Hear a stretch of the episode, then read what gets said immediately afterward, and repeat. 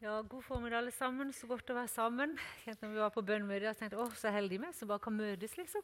Komme sammen, og summen av oss får lov til å oppleve at Jesus er midt iblant oss. Det er herlig, altså. Jeg tenkte bare på en liten opplysning. Det er, vi må ikke glemme at det er formiddagstreff på eh, tirsdag.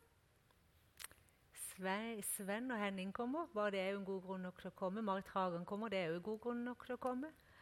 Men vi har noen fantastiske formiddagstreff fra 11 til 1 hver første tirsdag i måneden. Så hvis ikke du har vært der før og har fri og anledning, så eh, er du hjertelig velkommen. Da spiser vi deilig lunsj og har eh, hva skal jeg si, både litt andakt og sang og litt sånn lave skuldre sammen. Ta gjerne med deg noen som du kjenner som kanskje ikke går så ofte i kirke. Det tror jeg er en god plass å ta med folk. Godt og varmt fellesskap. Ikke noe aller opp og ikke noe aller nedover, bare at du har fri anledning til å komme så er dere selvfølgelig velkommen til Sørlandshallen om tre uker. Vi forventer et par tusen damer inn. Og det har vært veldig veldig flott. Så det var gøy hvis det var en hel delegasjon fra Salem. selvfølgelig. Det var kjempegøy. Ulf kommer òg. Så da må dere iallfall komme.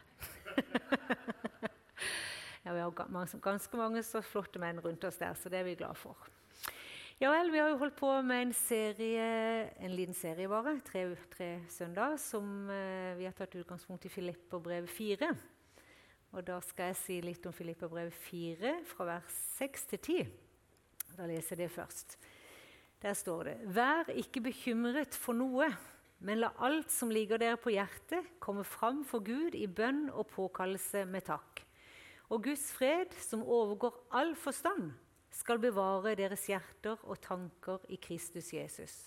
For øvrige brødre, alt som er sant, alt som er edelt, rett og rent, alt som er verd å elske og akte, all god gjerning og alt som fortjener ros, legg vind på det.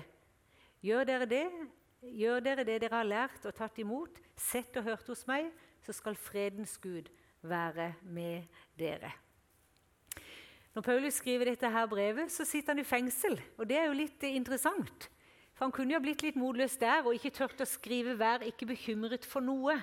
Og det er liksom ikke på tingtoppen han sitter når han skriver dette her med tre måltid om dagen og eget rom og seng og Ikke sant? Selv det er jo kjipt. Men eh, kanskje det er mange av dere som har vært eh, i Israel og sett eh, hvordan et fangehull så ut på den tida. Det var noen forferdelige grotter gravd inn i fjell. Ikke sant? Mørkt, trist.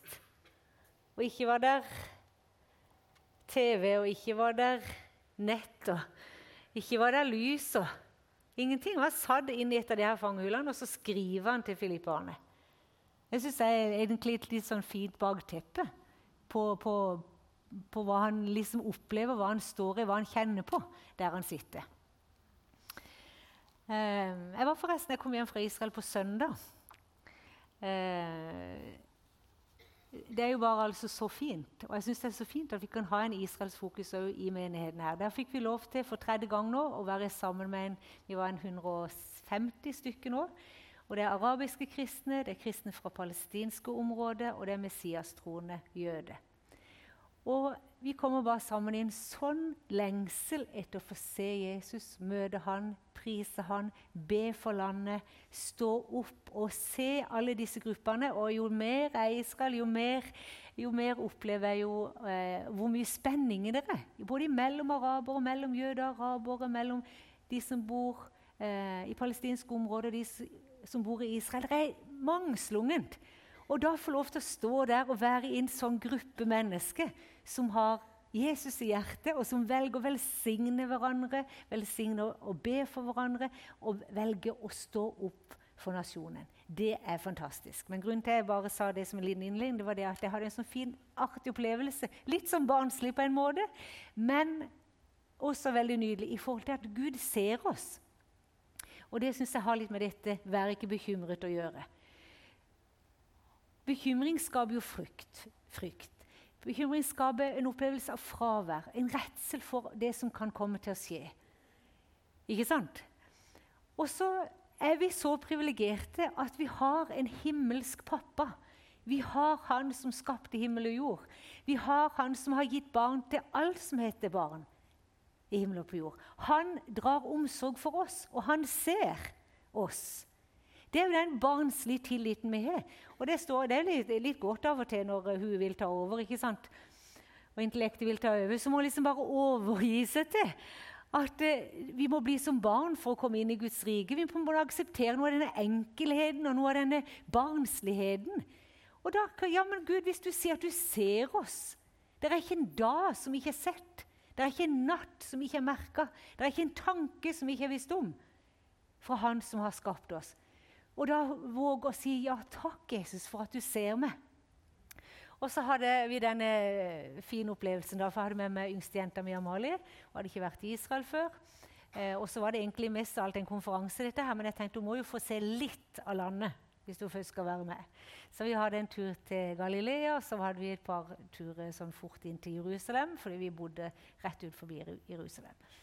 Um, og så er en av mine ting når jeg kommer ned der, det jeg syns er så nydelig og så lovsynge i noen av disse kirkene. Det er jo bare en sånn vanvittig akustikk. Så plutselig føler du at du kan synge. ikke sant? Du, du leser akkurat som bare engler bare kommer og tar stemmen og gjør den til noe annet, liksom. Og du kjenner 'Å, Jesus, dette må jo ligne litt på det som en gang skal komme når alt blir fullkomment.' og sånn, ikke sant? Og, liksom, da, eh, Sangen går jo til hjertet, så alle følelser åpner seg. Så det blir egentlig litt salig faktisk for meg. det. Så tenkte jeg dette må hun få oppleve. tenkte jeg. Så da vi, gikk vi eh, via Dolorosa litt bare i det området. Der tenkte vi må inn i Annas kirke. For der er det en helt fantastisk med Betesta-damen der. En vanvittig akustikk. Og så litt seint ute, vi skulle røkke så forferdelig mye. Og så tenkte jeg søren òg, altså det stenger klokka fem. Var jeg redd for. Så jeg kom liksom litt inn, og ikke hadde jeg sjekel, ikke fikk betalt. Så sa jeg de skal betale, de som kommer bak der. sier jeg. Ikke sant? Han sto der og passet på at vi måtte betale for å komme inn. Og. Ok, Så kom vi jo bort der, og så står han eh, De kaller de fathers. Altså en, han er jo ikke munk, men han er en sånn kirke far. Han står der i hvit, og i hvit grappe og sånn. ikke sant? Så står Pater, vil vi ha sagt kanskje. Takk, Ulf. Eh, så står han i døra der. Og så kommer jeg liksom litt sånn der forventningsfull og, og litt barnslig. Så sier jeg så sier, å, kan vi komme inn da klokka fem over fem. Eh, hvor lenge er dere oppe? Ja, vi er oppe til seks. Å, sa jeg liksom inni meg. Og så sier han eh, Hvor kommer dere fra? Vi var bare fire stykker da. Hvor kommer dere fra? Jo, vi kommer fra Norge.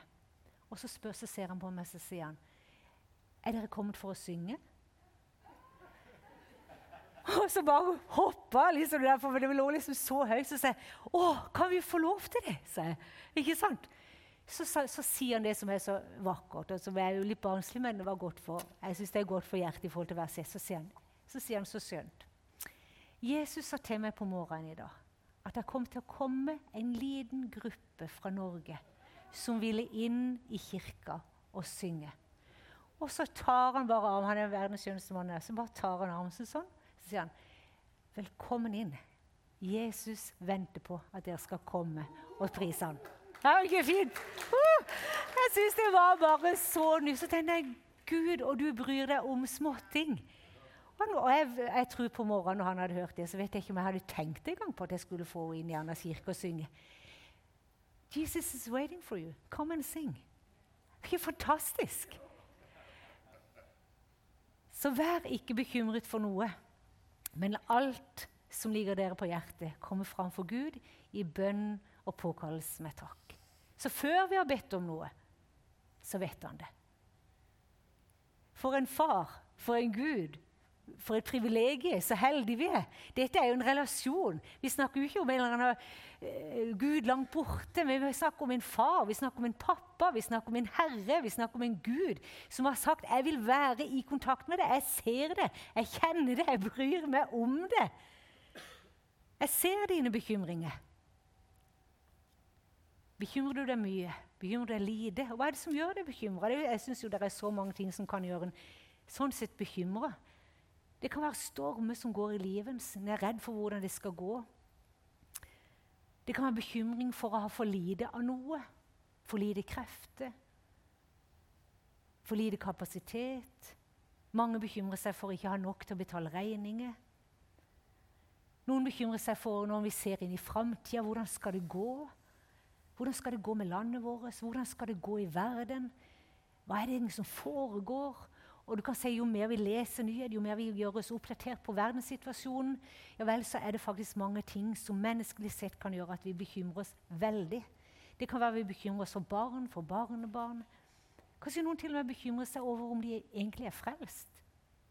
Nå, nå og da, som kristen sjelesørger, så, så møter jeg unge, og så møter jeg voksne, og så møter jeg eldre som kommer og sier 'Elin, jeg er faktisk ikke trygg på min frelse'. Det er egentlig en veldig stor bekymring å gå med redselen.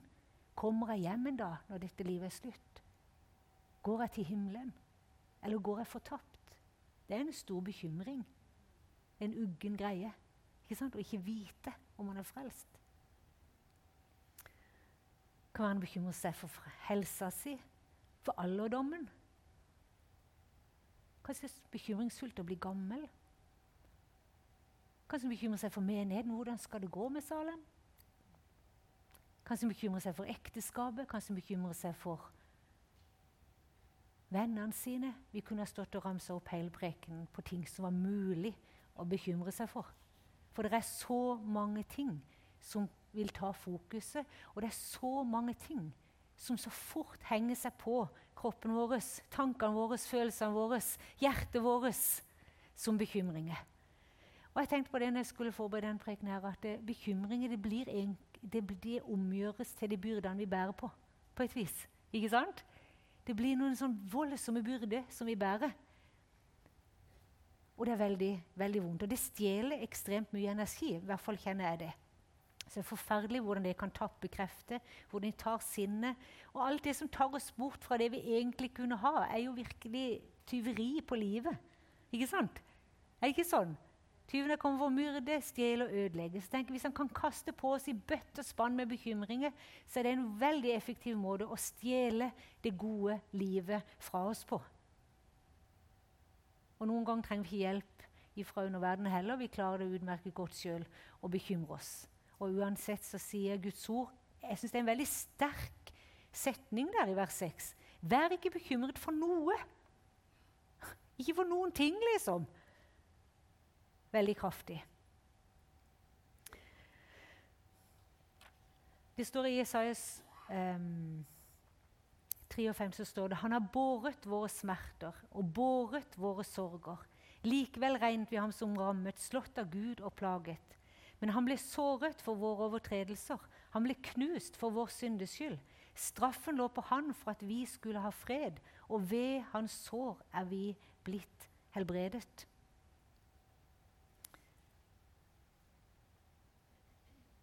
Og så kan vi lese Johannes som skriver, og han sier det når han ser Jesus komme. Så sier han, se, der, se Guds lam. Se der Guds lam, står det i den andre. Se der Guds lam som bærer bort verdens synd. Så mange ganger så tenker vi at, på at Jesus han er den som bærer våre bekymringer. Han er den som bærer våre byrder. Og Vi kaller han ofte for byrdebæreren. Og jeg skulle ønske vi kunne bare ta med oss det her i formiddag. At han er vår bekymringsbærer. Han er vår byrdebærer. Og han bærer det bort. Han bar det, som vi leser i Jesaja 73, en gang for alle. Han bar våre smerter, våre plager, våre sorger, våre pinsler, våre, bekym våre bekymringer. Han bar det en gang for alle på korset.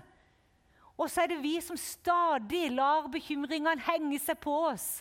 Og livet bare kommer imot oss, og det gir oss masse bekymringer. Og så må vi prøve å se for oss at han har båret det bort. Og stadig kan vi få lov til å komme til han og gi det fra oss og tenke og se det visuelt inn i våre tanker at ja, Jesus, nå bærer du bort enda en gang. Og det kan han gjøre fordi han bar det en gang for alle for 2000 år siden. Så var det ingenting av våre bekymringer som ikke han var villig til å bære på sine skuldre, og som ikke han bar bort.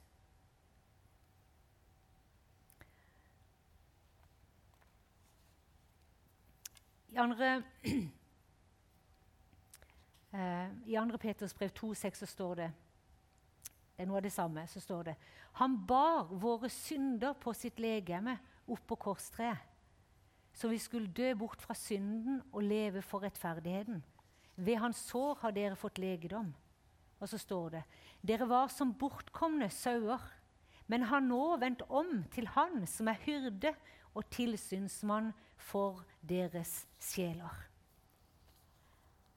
Filipperbrev 4, eh, det har vi lest med 1. Peterbrev 5-7, så står det Kast all deres bekymring på ham, for han har omsorg for dere. Ikke nydelig? Kast all deres bekymring ham, på ham, for han har omsorg for dere. Hva bærer du på i formiddag? Jeg er sikker på det at det er noen her som kom inn med byrde, med bekymringer. Noen som kanskje våkna i natt med en ekkel følelse i brystet. Noen som våkna i natt med en kvalm klump i magen, kanskje. Og som bare syntes det var godt å våkne for å få rista av deg den følelsen opp og tenke på noe annet. Fordi at du kjenner at det kan være med å liksom stagge den der følelsen av bekymring. Og så inviterer han oss faktisk helt konkret denne formiddagen her til å kaste all vår bekymring på han. Hvorfor kan vi det? Fordi at han bryr seg. For han har omsorg for oss. Det, det verset som jeg leste i 2. Peters brev, det er en av mine hva skal jeg si, absolutt yndlingsvers. Jeg har sånn tro på at Jesus bryr seg om tankelivet vårt, følelseslivet vårt, viljen vår, samvittigheten vår. Altså tro på indre helbredelse og gjenopprettelse.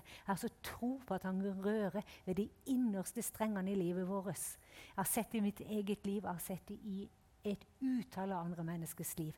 At han er så god og så full av omsorg. Ikke bare for det fysiske, og ikke bare for vår evige frelse, men for det som er livet, det som er vårt sjels liv her og nå. Så står det at, han, at vi var som bortkomne sau. Ja, vi var det. Men vi har nå vendt om til Han som er hyrde og tilsynsmann for våre sjeler. Er det ikke vakkert? Hvor er det bekymringene sitter? Jo, det er jo i sjelen vår. Og etter hvert så setter det seg i kroppen òg. Men han er, han, han er vår hyrde han er, han er, den som passer på. Hva er en tilsynsmann? Det er, som, det er, jo en som vokter, det er en som passer på. Det er en som ser hvor, hvor, tank, hvor saueflokken går henne, hvor de tar veien hen. Om de, lenge, om de har vært lenge i ørkenen, hvor det er på tide å føre dem til kilde av levende vann. Det er om de har satt seg fast i tornekratt, disse sauene ute i ørkenen. ikke sant? Det er om de har gått seg vill, det er om de har satt seg fast på ei hylle og ikke kommer verken opp eller ned og ser ingen løsninger.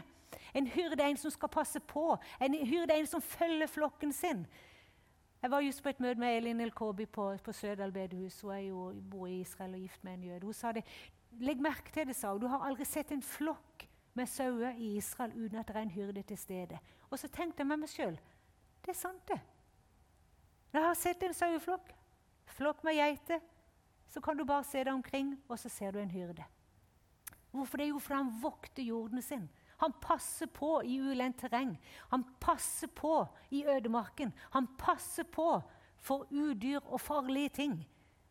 At denne flokken skal passes på. Og sånn er jo jeg holdt på å si Takke seg til negerørkenen, holdt jeg på å si. Men hva som kan foregå oppi her hva som kan være her av ørken, hva som kan være her av tornekratt, hva som kan være her av høyde hvor ikke en kommer verken opp eller ned. Hva det kan være her inne i vårt eget sjelsliv av dype, dype gru gruver, holdt jeg på å si, hvor vi ikke ser opp eller ned på noe som helst. Sånn er det bare. Sånn er livet. Og så sier Jesus at han vil være vår sjels hyrde og tilsynsmann. Han vil ta oss til stedet av hvil. Vi kan lese det i Salme 23. Herren er min hyrde, jeg mangler ingenting. Han lar meg ligge i grønne enger. Han leder meg til vann der jeg finner hvile. Er ikke nydelig?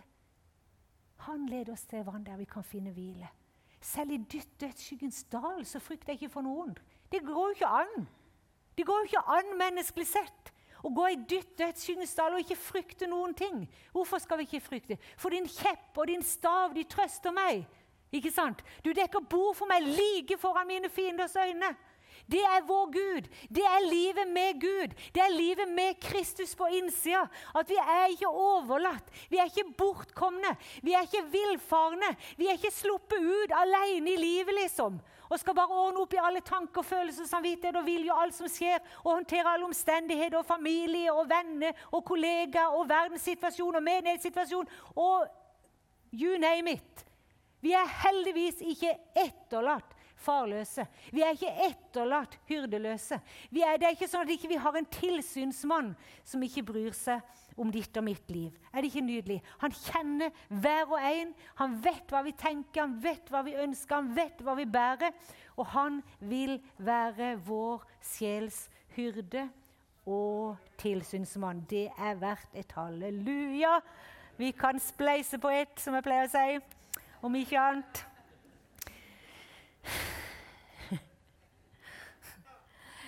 Jesus er alles byrdebærer, og han er bærer, bærer av alle byrder. Vi må øve oss på det. Vi må øve oss å erfare det. At han er din byrdebærer, og han er bærer av alle dine byrder. Salme 146 så står det Salig er den hvis hjelp er Jakobs Gud, hvis håp står til Herren, hans Gud. Misunnelsesverdig lykkelige er vi hvis hjelp er Jakobs Gud, hvis håp står til Herren. Så står det et eh, andre, eller en del av det som var teksten i dag, så står det For øvrige brødre, alt som er sant, alt som er edelt, rett og rent, alt som er verdt å elske og akte, all god gjerning og alt som fortjener ros, legg vind på det. Gjør det dere har lært og tatt imot, sett og hørt hos meg, så skal fredens Gud være med dere. Og Det er jo noen eh, nydelige vers òg, og både veldig fine og veldig utfordrende vers, syns jeg. Og så tenker jeg, Hvem er det han skriver om, Paulus? Jo, han skriver ut fra at han kjenner Jesus, hva som er sant og edelt, hva som er rett og rent. Alt som er verd å elske og akte. Var det en som var i ordet, var det en som holdt fast på dette ordet, her, så var det Paulus. Var det en som visste hva som var rett og galt, var det en som visste hva som var edelt og sant, så tror jeg det var Paulus. Og jeg kjente jo, når du snakka i dag, Asmund, til åpninga, i dag, at vi står i en utrolig viktig tid i forhold til å velge som menighet og velge som enkeltpersoner at Guds ord det skal være vår rettesnor. Vi trenger ikke komme til det punktet, eller vi må ikke komme til det punktet, at vi på en måte lar vår tro bli så styrt av vårt intellekt og vår humanisme og vår rasjonalisme og vår tidsånd at vi våger og løfte oss ut fra ordet og si at det, vi satser på at noe annet er greit. Vi, vi kan ikke gjøre det. Folkens, vi, vi må nødt til å våge å stå på det som Guds ord sier. Vi må prøve det som vi mener, på det som kan leses her. Vi må forvente at vi tror at Gud han har sagt det han vil si i denne boka her. Og det vi ikke finner her, det skal ikke vi lage en egen teologi på. Og det er nettopp det som har skjedd nå i kirka. Det lages en teologi hvor det er helt åpenbart og helt erkjent fra de som har teologien, at det er første gang i kirkehistorien at vi lager en liturgi i forhold til ekteskapsloven som da ikke der er festet i Guds ord. Det sier de som lærer. Det er den ene tingen. Men det er jo bare én av mange ting som vi må på en måte finne en god vei på. Finne en, en Guds, Guds, vei på som menighet. Og kunne våge å si hva som er rett og galt. Hva som er sant og edelt. Og det kommer fra denne kilden, fra Jesus Kristus. Jesus, alt han kom med, var edelt. Alt han kom med, var rent. Alt han kom med, var sant. Alt han kom med, fortjener ros. Og så oppfordrer Jesus oss til akkurat de, samme tingene. Og så tenker jeg, hva er, skal, eh, hva er, det vi skal, passe på? Jo, kanskje vi kan begynne Nå begynte jeg jo med Guds ord, for det er jo det viktigste og det største av alt. At vi holder ordet for sant og rett, og At du holder ordet som den rette snora. Vi ønsker å leve livet vårt etter. Hold fast alt, på alt som er edelt og rent. Baktalelse, f.eks. Det er en annen ting. Som ordet sier, det er ikke edelt, og det er ikke rent.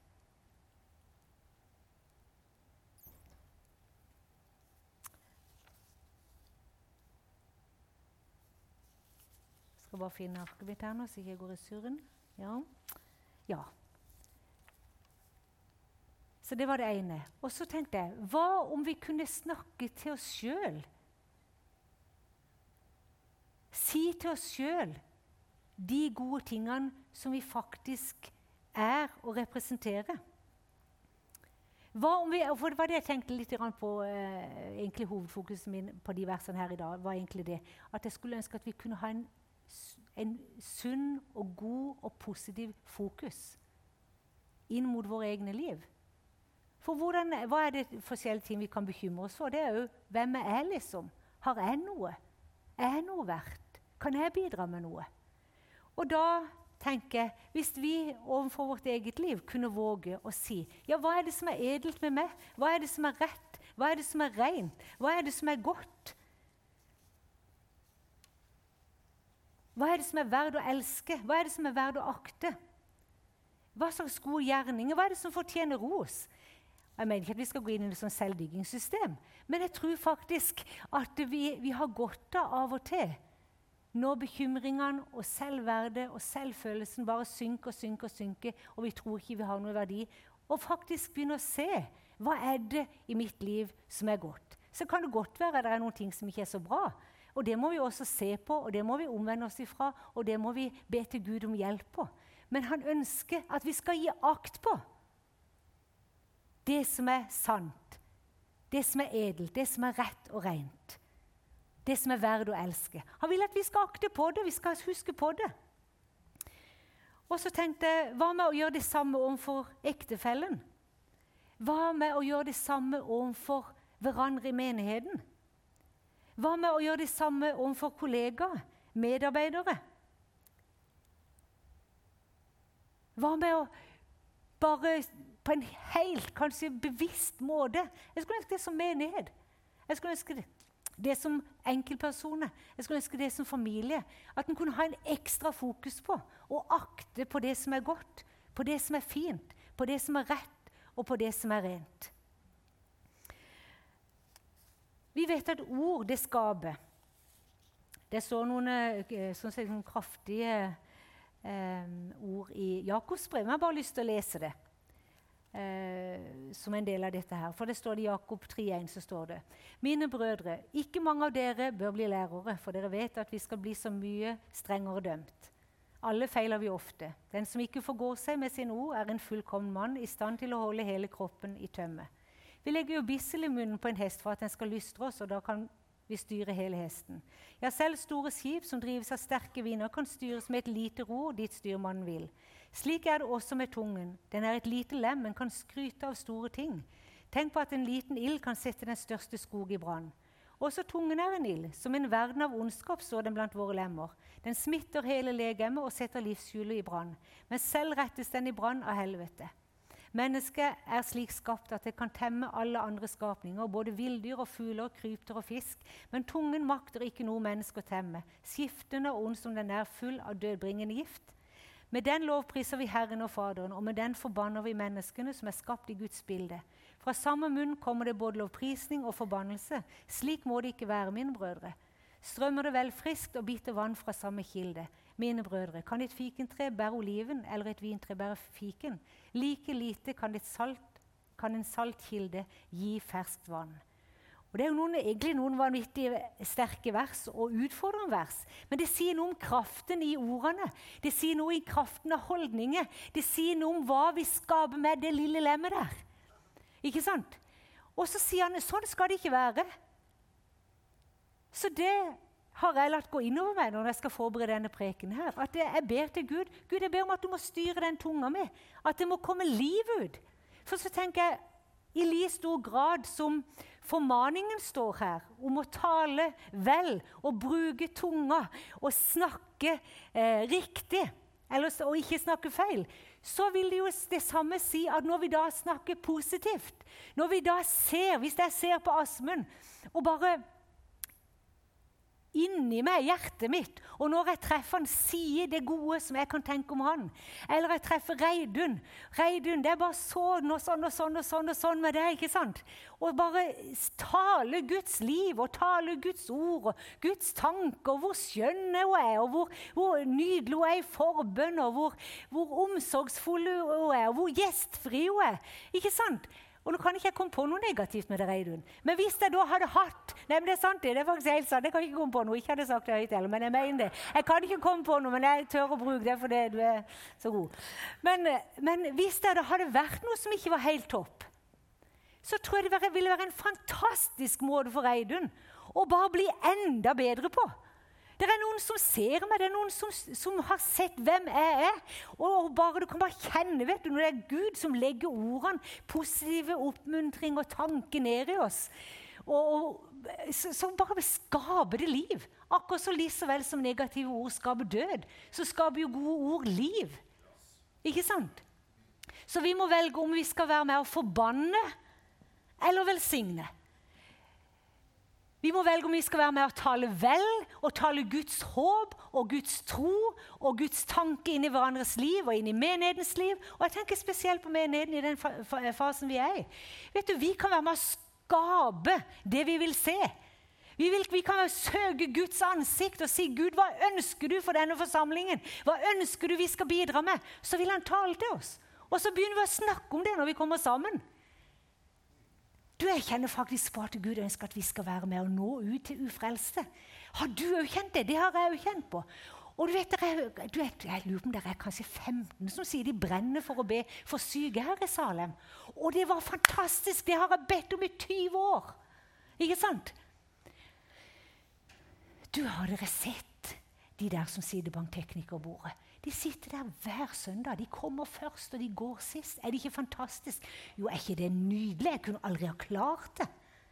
Skjønner du? Sånn kan vi holde på med hverandre. Til slutt så blir det bare umulig å gå sur ut av dette lokalet. Ikke sant? For dere er bare så sinnssykt mye positive mennesker som bare ser Guds vilje og ser Guds tanke, og som taler Guds ord og Guds løfte over sin menighet. For det er faktisk sånn at Når vi kommer sammen, så er det vi som er tempel for Den hellige ånd. Det er vi som er det stedet hvor Ånden legger seg. Det er vi som er det stedet som Ånden flyter ut ifra. Da kan jo alt skje, tenker jeg. Men jeg har bare lyst til å si det. Jeg syns vi skal virkelig ta det innover oss og tenke at de neste fram mot jul så skal denne, ditt lokale fylles av gode ord.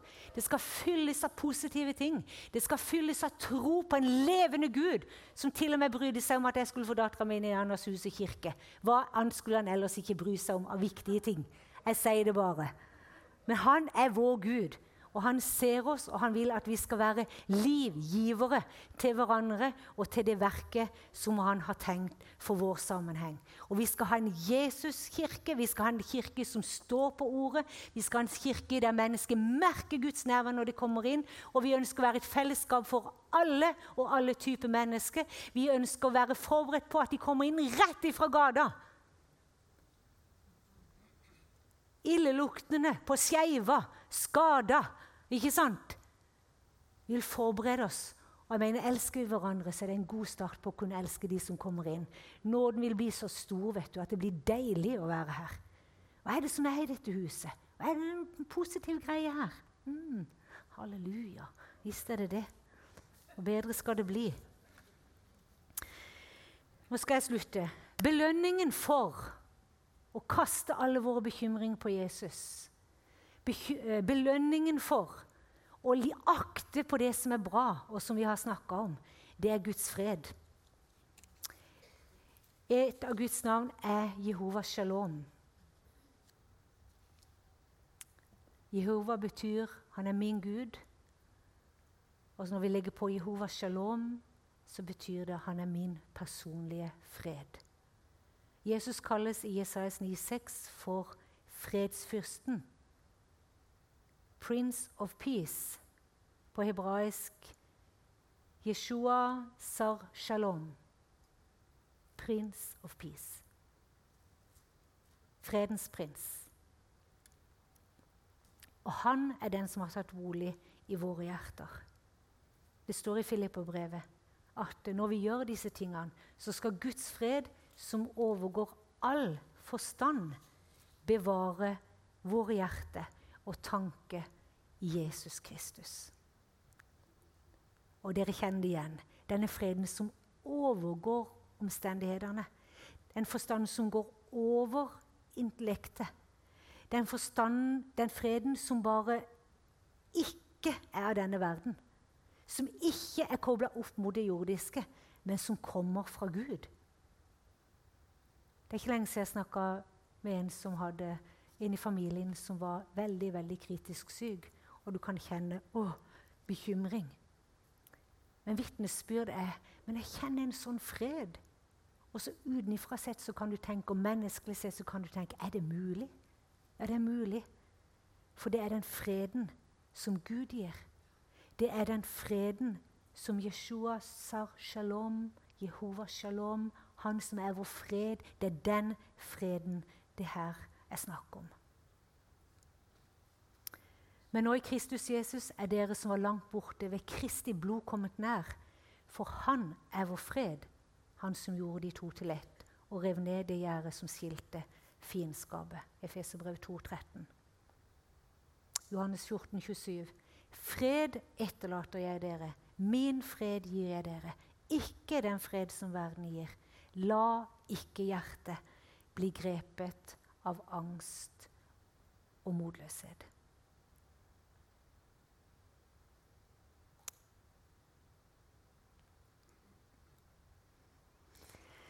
Skal vi ta bare eh, Kanskje Ivar og Team kan komme opp. Og så kunne jeg ønske at vi bare kunne ha et par, kanskje et par minutter kunne vi klare det, og bare være stille. Og så ønske velkommen denne freden fra Gud. Kanskje du først vil kaste fra deg noen bekymringer.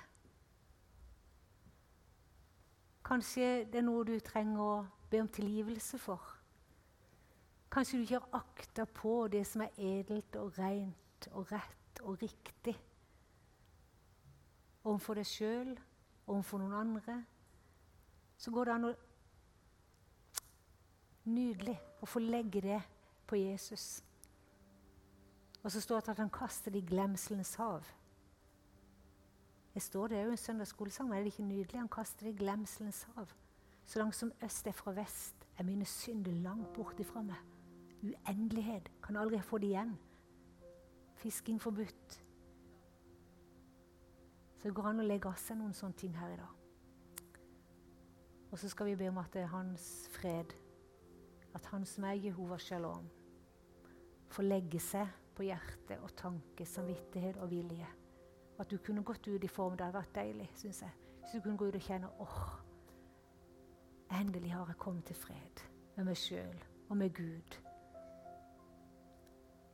Far i himmelen, jeg har lyst til å prise ditt navn for at du sendte Jesus Kristus til å dø for våre syndige Jesus, for våre plager, våre sykdommer. Takk at du åpner veien inn i ditt nærvær, inn tett til ditt hjerte, far, sånn at vi kan ta imot det, far, som Jehova Shalom, som den som er fred. Den som gjør ting helt, den som gjør ting komplett, den som gjør ting fullstendig. Bare kom, Herre. Herre, nå har vi lyst til å bare kaste av oss noen bekymringer. Vi har lyst til å legge av oss noen bekymringer, Herre. Byrdene som det har blitt. Påkjenningene som det har vært. Jesus i tankeliv og følelsesliv. Samvittighet. Kanskje til og med på åndslivet, Herre. Det bare påvirker gudslivet vårt, Herre. Det blir for mye slag Jesus på, på hjertet fordi at bekymringene klistrer seg på, Herre. Så nå bare ber jeg om din Hellige Ånds salvelse og kraft, Jesus, til å rense Jesus hjertene våre.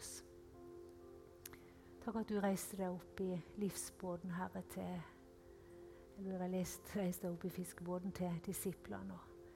Og du bød stormen være stille. Men nå ber om at du må reise deg i vår livsbåt, Herre. I vårt landskap, Jesus. Og byr stormen, være stille, Jesus. Far, vi bryter all uro, vi bryter all Alt som kjører i sinnet, Jesus, som en virvelvind, Jesus. Vi ber om at du med ditt nærvær, kraften i ditt blod, Herre, og kraften i ditt navn må stoppe. Stoppe det opp, Herre Jesus.